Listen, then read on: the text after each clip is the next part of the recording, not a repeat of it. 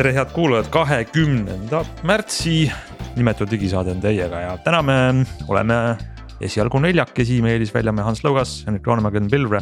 aga meil tuleb külalisi ja külalistega me räägime sellest, kuidas Eestis tehakse unikaalset äh, sõidukit mis peaks võtma oma energia päikesest ja sõitma niimoodi väga kaugele, väga efektiivselt.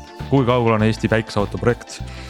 selline aeg on vaadata selle projekti sisse ja räägime veel sellest, miks on kõikide uute telefoni hinnad nii kõrged, isegi odavate telefoni hinnad on kõrged.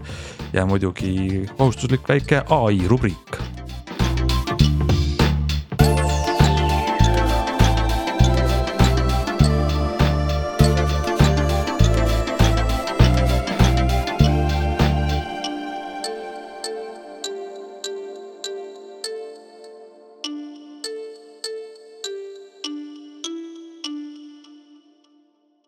hakkame peale siis esialgu täna tarbija uudistega, sest eks me kõik oleme tarbijad. kahe aasta tagant või sagedamini peame oma vana telefoni panema lauasahtlisse, mida me sellega ikka teeme ja ostma uusi. ja uusi mudeleid tuleb kogu aeg välja.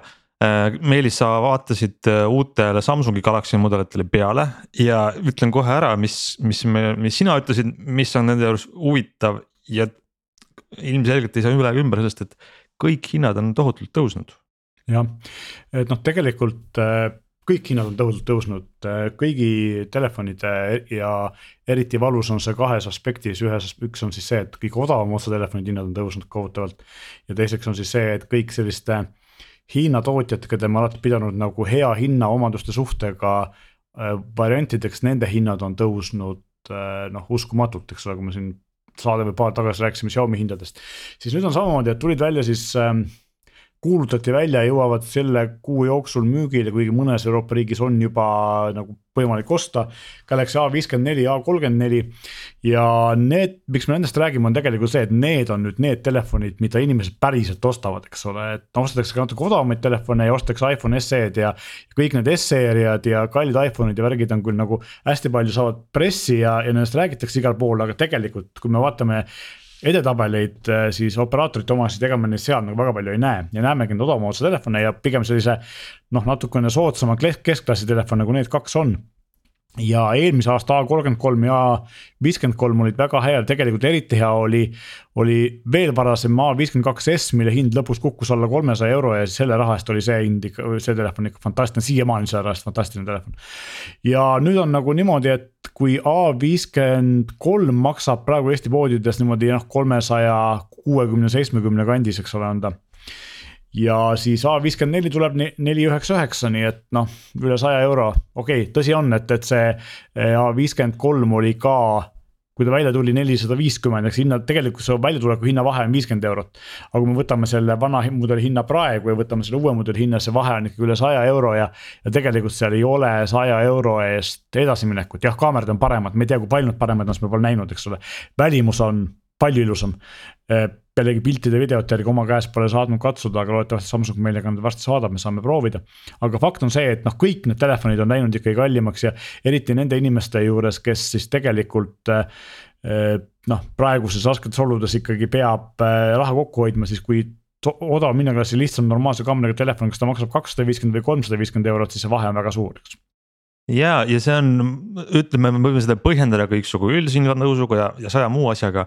aga minu jaoks on nagu, miks ma olen murelik või õnnetu, et see trend on pöördunud, see trend oli see.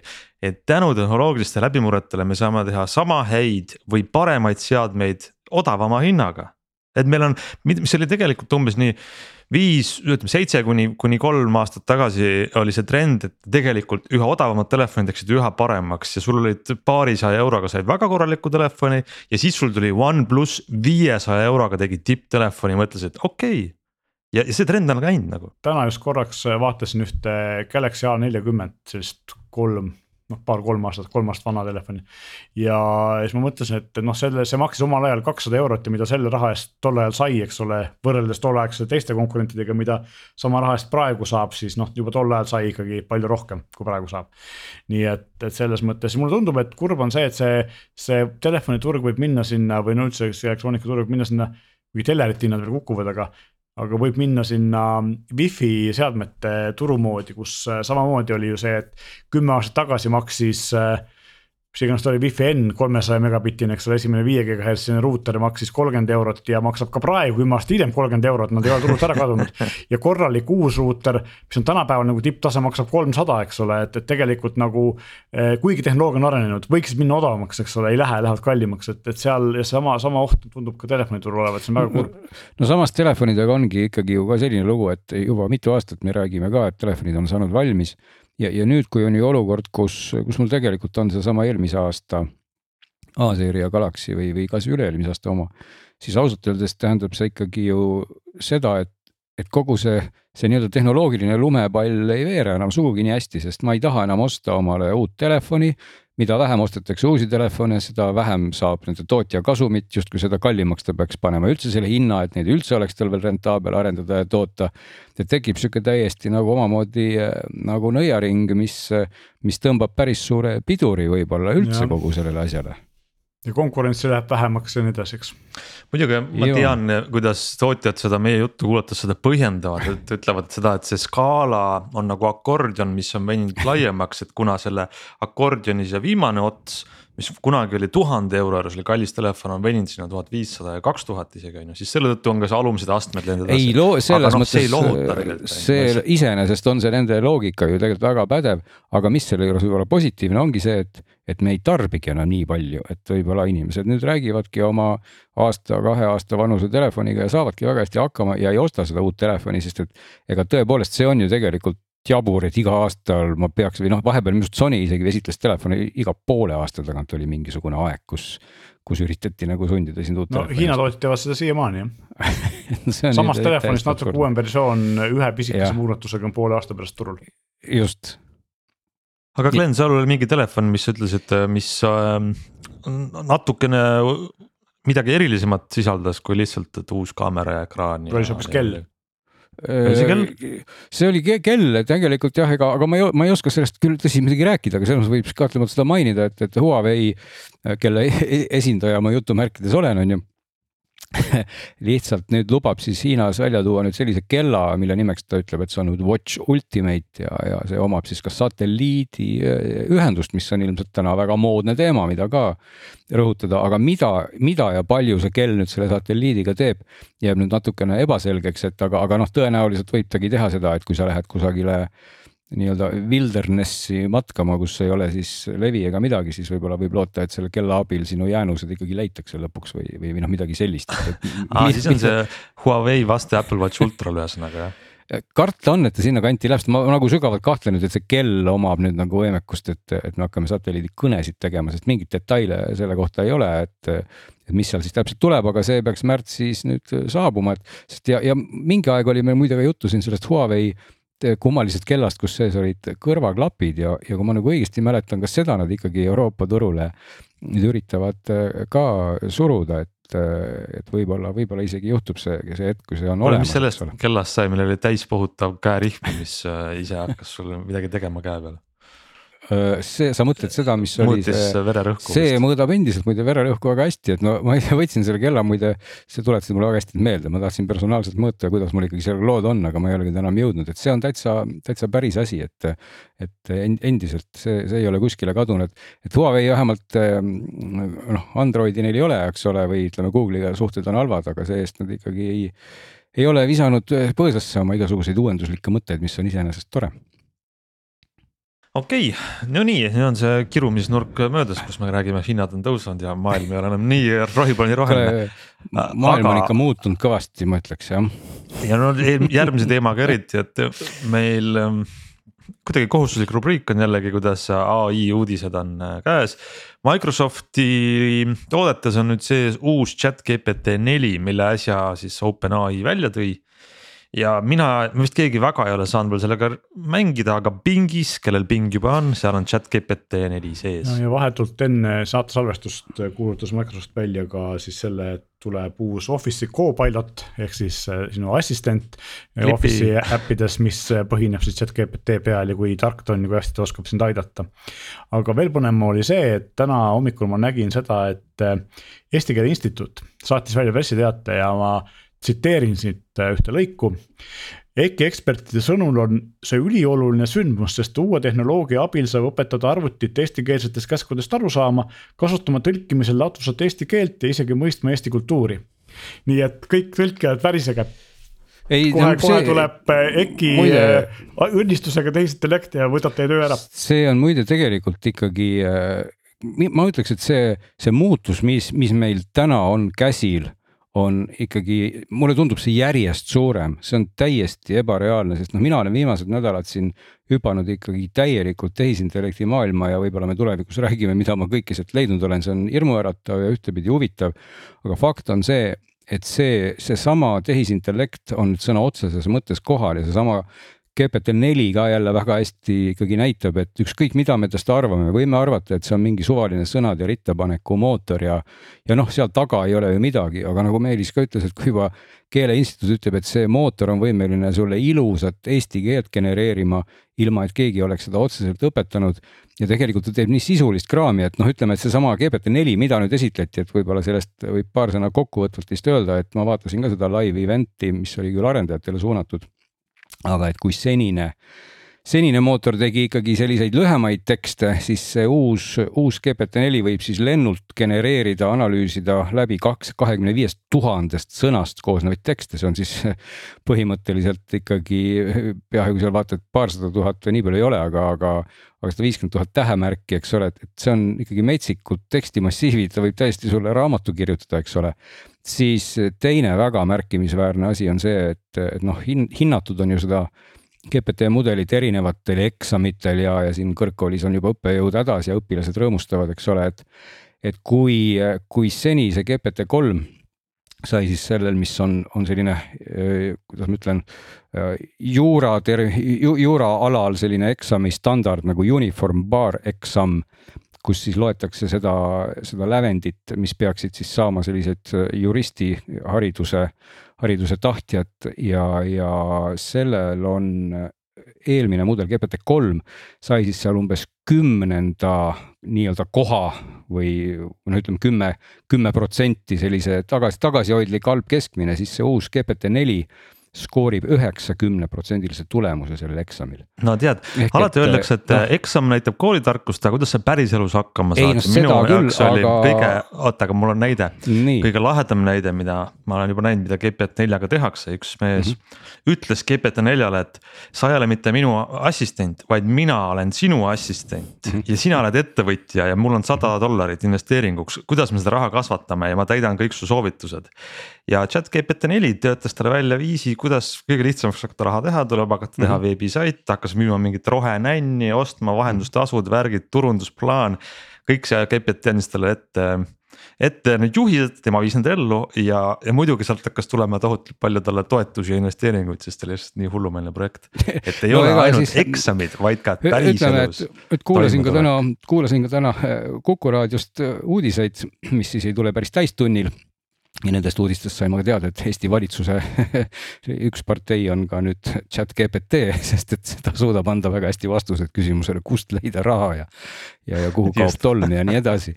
ja, ja mis noh, see võib olla nali, aga see tegelikult ju nii on, et, et, et see, see tarkus ja see nagu vestlus, mis sealt tuleb, on, on täiesti ebareaalsel tasemel, küll aga ma ikkagi siin tahaks ka veel kord oma nagu emotsionaalset sellist äh, tagasisidet öelda just pingist, noh, millega ma ka olen ju nüüd siin viimased nädalad nagu ette ja taha suhelnud ja, ja ping peaks töötama selle chat GPT nelja baasil mm,. aga, aga ilmselt. ma segan korra vahele. ma, ma sind siin kuulates võtsin oma selle pingi lahti ja mm -hmm. selle, sellesama chatbot'i, millest sa praegu räägid. ja küsisin ta käest, et are you based on GPT neli Mm -hmm. ja selle peale ta vastas, et, äh, et tema on äh, Microsoft Bingi äh, chatbot ja tema üldse mm -hmm. mingit GPT-d ei kasuta okay.. ja, ja, ja siis ma ütlesin, ma vaidlesin temaga, ütlesin, et see ei ole ikkagi ju niimoodi, siis ta ütles, et mm. -hmm et ei, et sul ei ole õigus, et I um,, I don't use GPT, I use a combination of search results and internal knowledge Mm -hmm. kujuta ette, tal on mingi sisemine tarkus juba, mis ei ole põhineb mitte millelgi. ja siis ma veel vaidlesin temaga ja nüüd ta teatas mulle, et Äh, et ta vabandab segaduse pärast, aga et tema Microsoft Bingi search chatbot ja tema ei kasuta mm -hmm. GPT-4, aga Microsoft okay. Bingil on search chatbot, mis kasutab GPT-4 hoopis teie, see on teine OÜ. ma ei tea.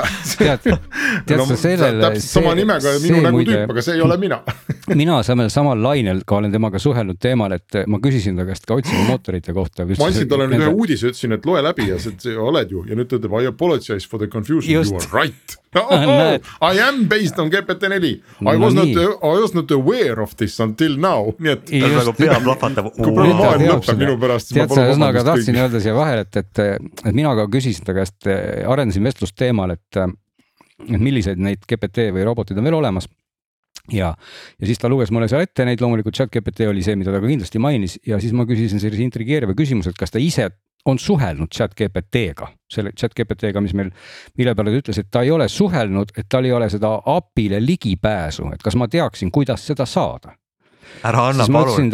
siis ma ütlesin talle, et ei, aga ära. ma ütlesin, et, et ma sulle seda ligipääsu niimoodi ei oska saada, aga mul on sulle parem mõte, et küsi minu käest ja mina edastan küsimuse chat GPT-le ja edastan sulle vastuse.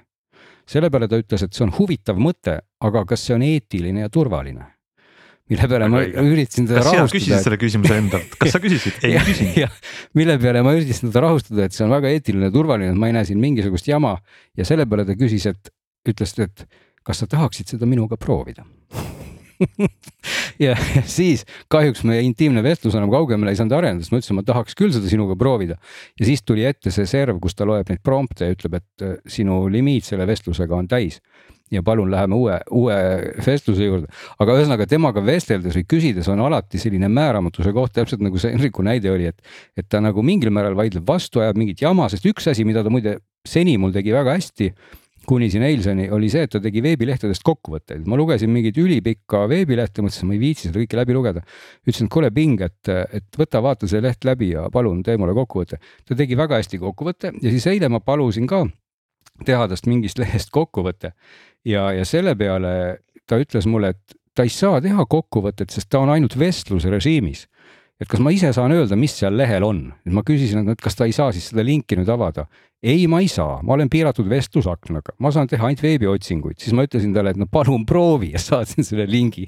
mille peale ta ütles, et no ma olen juba öelnud, et ma ei saa linki avada, ma ei taha sellest enam rääkida.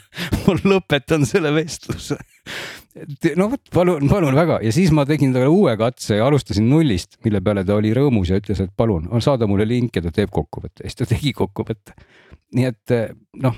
mingid piirangud selline... on sees ikkagi, eks? ei no tähendab, aga see on, see kõik nagu näitab seda, et, et see, see mootor on selline, et et ta tegelikult tegutseb nagu täiesti, no põhimõtteliselt ta on nagu puuris olev loom, nagu ma olen seda väidet ennem ka kasutanud, et ta, ta mingil hetkel teeb asju ja mingil hetkel ta on huviline.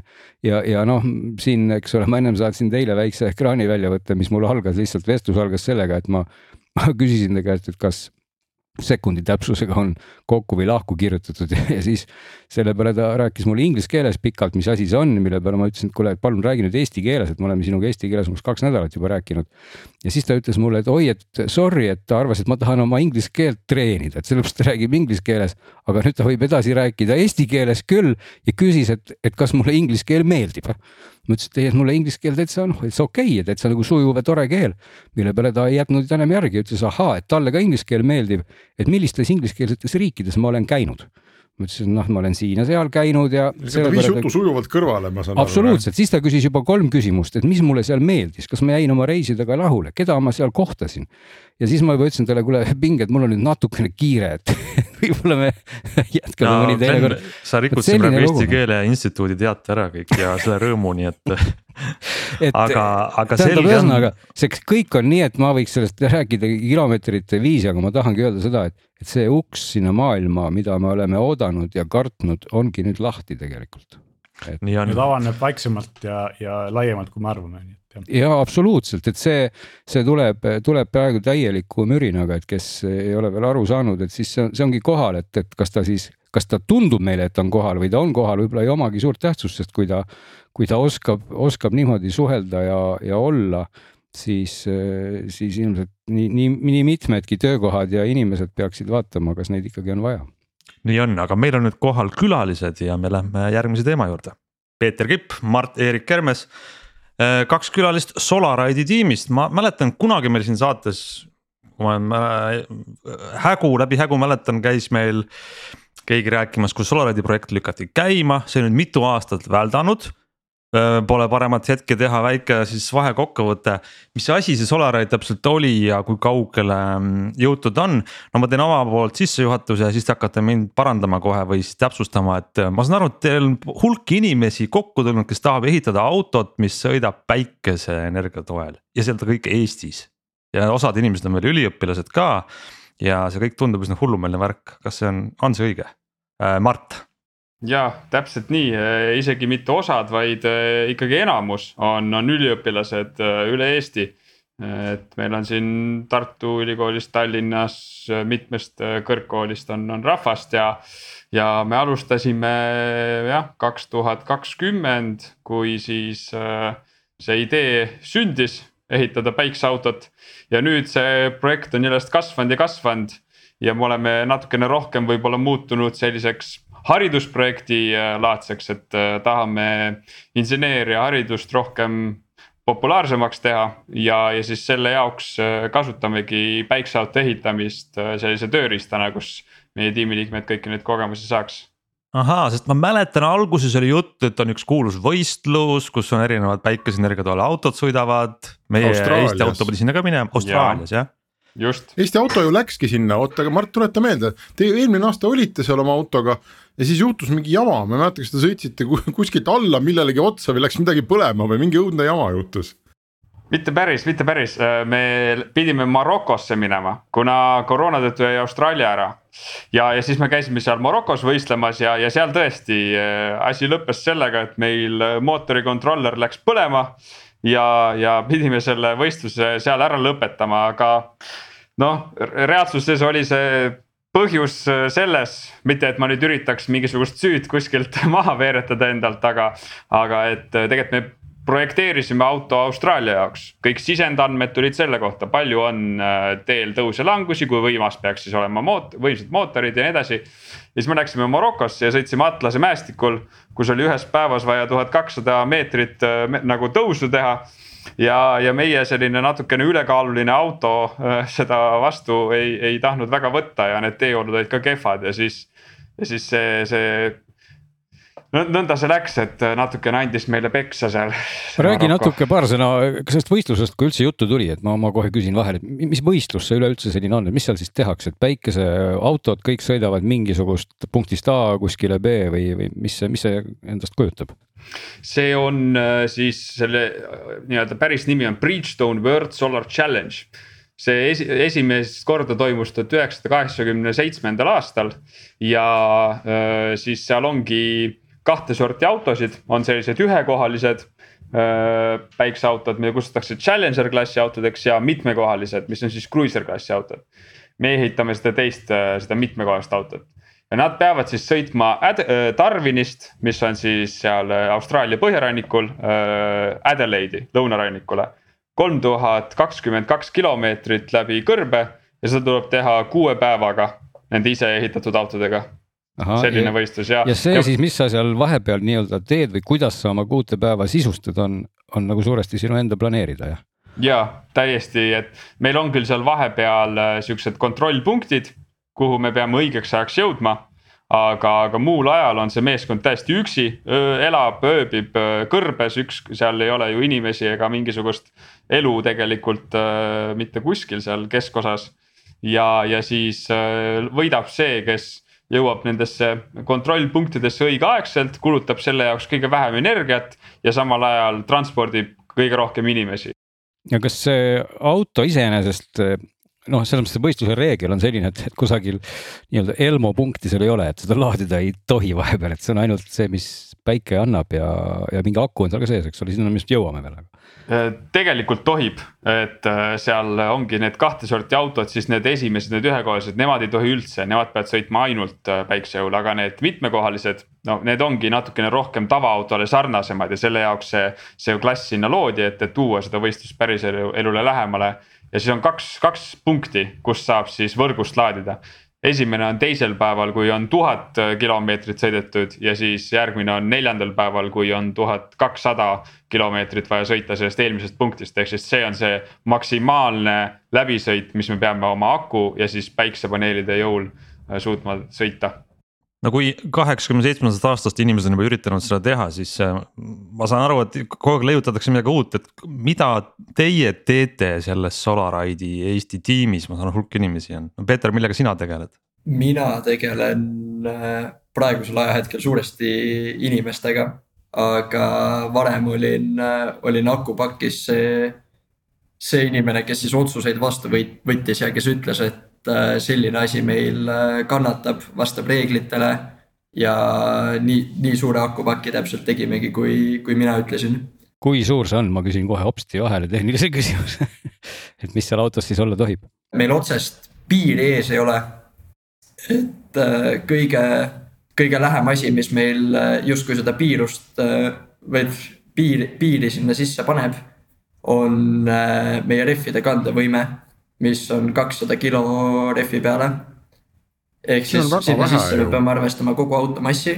ta on, ta on päris vähe võrreldes äh, tänapäeva autodega. see on siis terve aga... nii-öelda inimesed koos autoga kogu, kogu, kogu auto põhimõtteliselt, eks ole siis või, või tühi yeah, auto ainult? kogu auto, et äh, sinna sisse noh, me pidimegi põhimõtteliselt äh, kohe alguses plaani paika panema et äh, kui palju me mingisugusele süsteemile massi anname et äh, kui palju ka siis äh, tiimid reaalselt mängida saavad.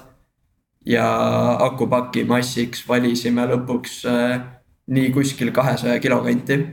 ja mahutavus siis on tal nelikümmend kaks kilovatt-tundi see on ju päris hea aku, ma ütlen, see, mida tänapäeval elektriautosid inimesed ostavad poodidest, see neljakümne kahene on korralik, sellega võiks sõita Tallinna vahel küll ja seda isegi Saaremaale saab ju välja sõita. ja see on ka väga kerge, ma ütleks, et see kakssada kilo ja nelikümmend kaks kilovatt-tundi on ju vist väga hea, väga äge akukeemia. ja Eestis pole ka neid mägesid, kus ta võib põlema minna, nii et see on päris hea minu arust.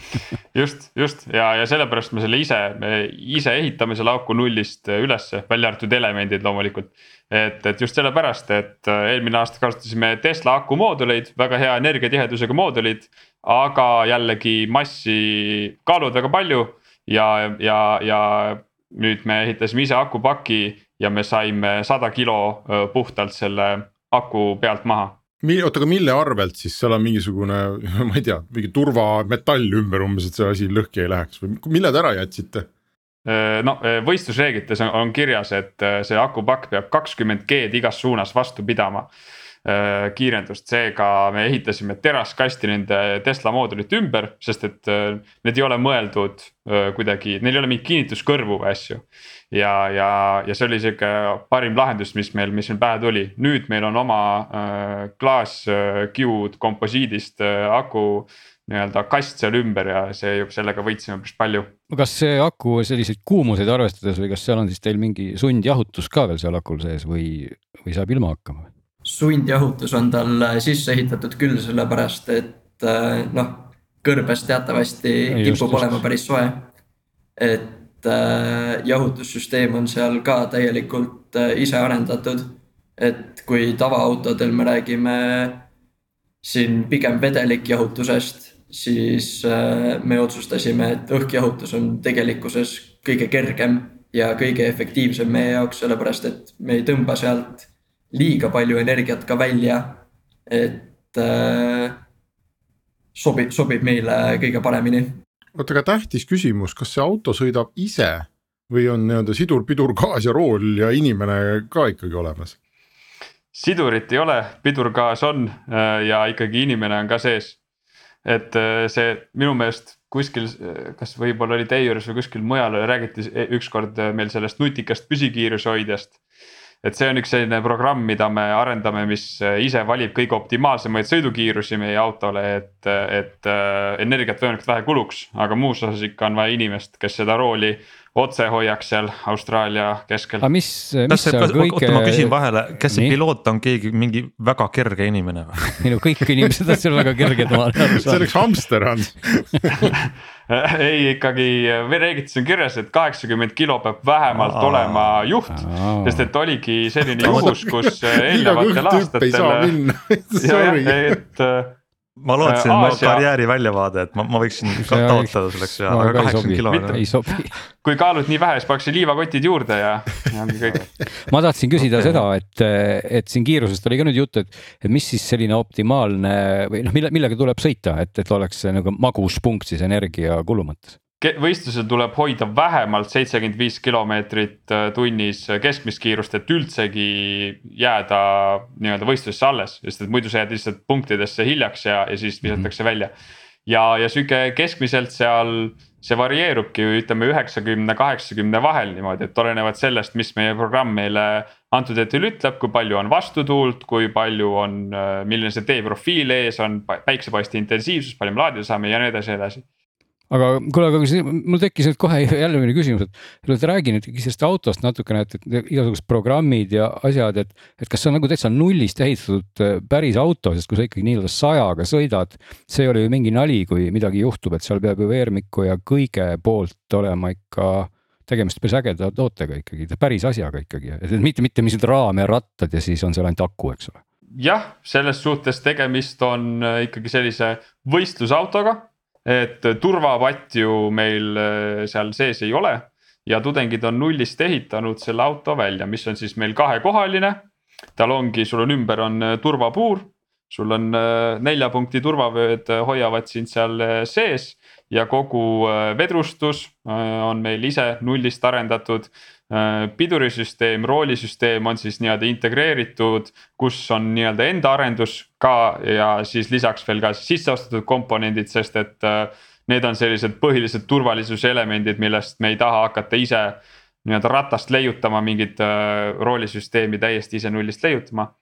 aga, aga üleüldiselt on sul siis süsinikkomposiidist kere ümber ja, ja päiksepaneelid auto peal, et äh, selline, selline ta on. mingisugust mugavust seal sees ülemäärast ei ole, et konditsioneeri ilmselt pole või kas akna saab lahti teha, kui asi hull või, või? ma arvan, et on äkki konditsioneer, mina pakuks, ma veaks kihla, et on. pakuks, et on ei ole, ei ole, konditsioneer võtab, äh, võtab Kaalub. liiga palju energiat Energia. ja akent lahti ka teha ei saa. kuule, ma arvan, et see juht, kes teil seal sõidu alguses on kaheksakümmend kilo, sõidu lõpus on seitsekümmend kaks ja pool, et andke liivakotid kaasa talle.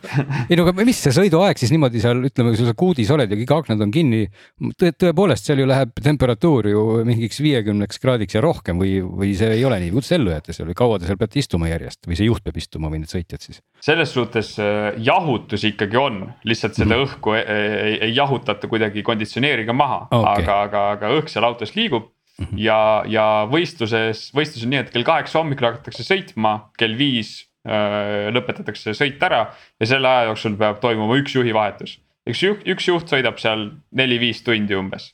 no ega päris järjest seda istub neli-viis tundi järjest seal sõidab või, või ikka vahepeal on ja. mingisugune pissipaus või? põhimõtteliselt mitte, et, et järjest, kui on need vahekontrollpausid, eks ole, siis seal saab oma hädad ära teha. aga muidu võistluse ajal meil on ju, ei ole ainult päikseauto, kes üksinda sõidab, vaid on saateautod ka.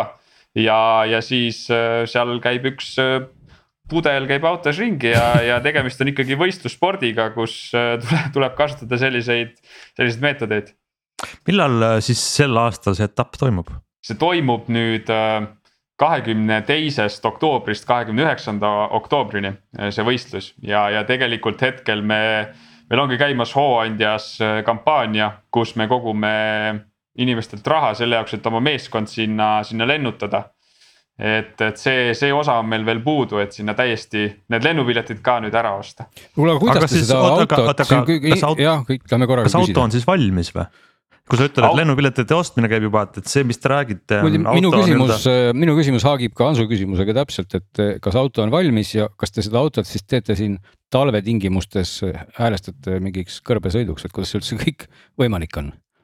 Auto on äh, nii kaugel valmis, et äh, me oleme sellega esimesed äh, sõidud teinud, ta on küll praegu siukse raami ja sellise üpris paljal kujul, et kere tootmine on tal veel puudu ja, ja päiksepaneele veel peal ei ole. aga, aga see nüüd siin lähikuude jooksul peaks ka valmima ja siis nüüd suvel tahamegi võimalikult palju testkilomeetreid siin Eestis alla saada. et siis harjuda selle, noh päris Austraaliaga ei saa arvatavasti kuskile harjuda, aga, aga natukene harjutame selle jaoks siin Eestis veel mulle öeldi, et kui me saadet ette valmistasime, et, äh, et vot, et see tänavune auto on ikkagi nagu noh, ikka palju parem, ma ei tea, kordades parem kui eelmise aasta mm -hmm. auto.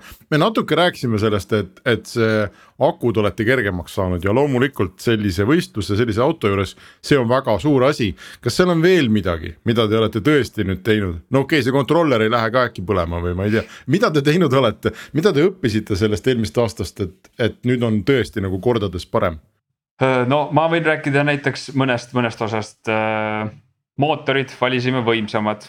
Äh, vedrustuse integreerisime nõnda, et saaks teha paremini hooldustöid. et väga palju töökindlust oleme autol tõstnud, et seda meil eelmine hooaeg õpetas. ma ei tea, Peeter, mis sa ütleksid? ma ütleksin, et tegemist on ikkagi drastiliselt erineva sõidukiga võrreldes eelmise autoga et äh, aku, aku ja päikesepaneelid on äh, põhimõtteliselt ainsad asjad, mis mina ütleksin, et neil sarnased on. et äh, turvapuur on täiesti teistmoodi mõtlemisega tehtud kui eelmisel autol äh,. vedrustus on igatipidi muudetav ja meil on, seekord on suutlikkus äh, nii ees kui ka taga täpselt paika panna et äh, mis nurga all ja kuidas meil äh, rehvid seal olema peavad. et me saaksime selle viimase, viimase tilga efektiivsust sealt välja pigistada. ja siis. aga räägi äh,, nii jah, ma ei taha segada, palun. et, et kere, kere on ka, et eelmisel autol äh, te olete ilmselt piltide pealt ka näinud, et tal on seal üks tunnel, mis keskelt läbi jookseb.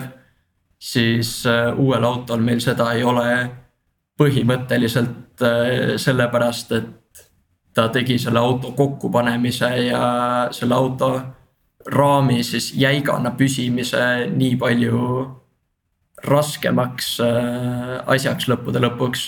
et kui põhimõtteliselt toruraam ongi selline U-kujuga, valet pidi ainult, siis äh, me ei saa kuidagi seal garanteerida, et äh, rehvid vaatavad alati täpselt õige nurgaga seda teed aga rääkige paar sõna sellest päikese osakaalust ka kogu selles liikumises siis, et, et noh, võib-olla ka puudutada ka seda poolt natuke, et kui te inseneride kogu seda, inseneridena kogu seda asja nagu vaatate, et on see nagu realistlik väljavaade, et, et me täna ka tõesti saame siis nagu sellistel toodetavatel elektriautodel hakata juba mingit lisa saama nendest paneelidest või et, et no minu küsimuse sisu on nagu jah, sinna suunatud, et kuidas see päikesest tulenevalt energia siis, kui suurt osakaalu see mängib ja, ja, ja mis see tulevik selle koha peal võiks olla mm? -hmm no päiksepaneelid meie auto katusel on neli, neli koma kuus ruutmeetrit neid paneele. ja need toodavad meile maksimaalselt seal üks koma kaks kilovatti tunnis, ütleme sihukese keskmiselt ühe kilovati tunnis. nüüd nii-öelda meie auto puhul, äh, kuna meie energiatarve on ka niivõrd madal, siis äh, näiteks viiskümmend viis kilomeetrit tunnis äh, me võime sõita puhtalt selle ühe, ühe kilovati energia abil niimoodi, et me võiksime justkui lõputult sõita. kui juba kiirused kasvavad, tulevad mingid tõusud, eks ole, tuul puhub väga palju vastu, siis on vaja juba akudest rohkem energiat. ja, ja, ja umbes hetkel on arvestus selline, et päikse, akupakist äh, peaksime umbes tuhat kilomeetrit suutma, suutma läbida ja, ja siis päiksepaneelide abil võiks saada seal äh, kolmsada äh, kilomeetrit lisadistantsi juurde, kolmsada, nelisada. Ja, ja sellest täna liiklusesse panemiseks, ma arvan, ma väga ei usu, et see juhtub nüüd äh, nii lähi, lähiaastatel, et äh, kõikidel autodel tuleb päiksepaneelid peale. sest et see päiksepaneelide efektiivsus peaks selle jaoks tõusma.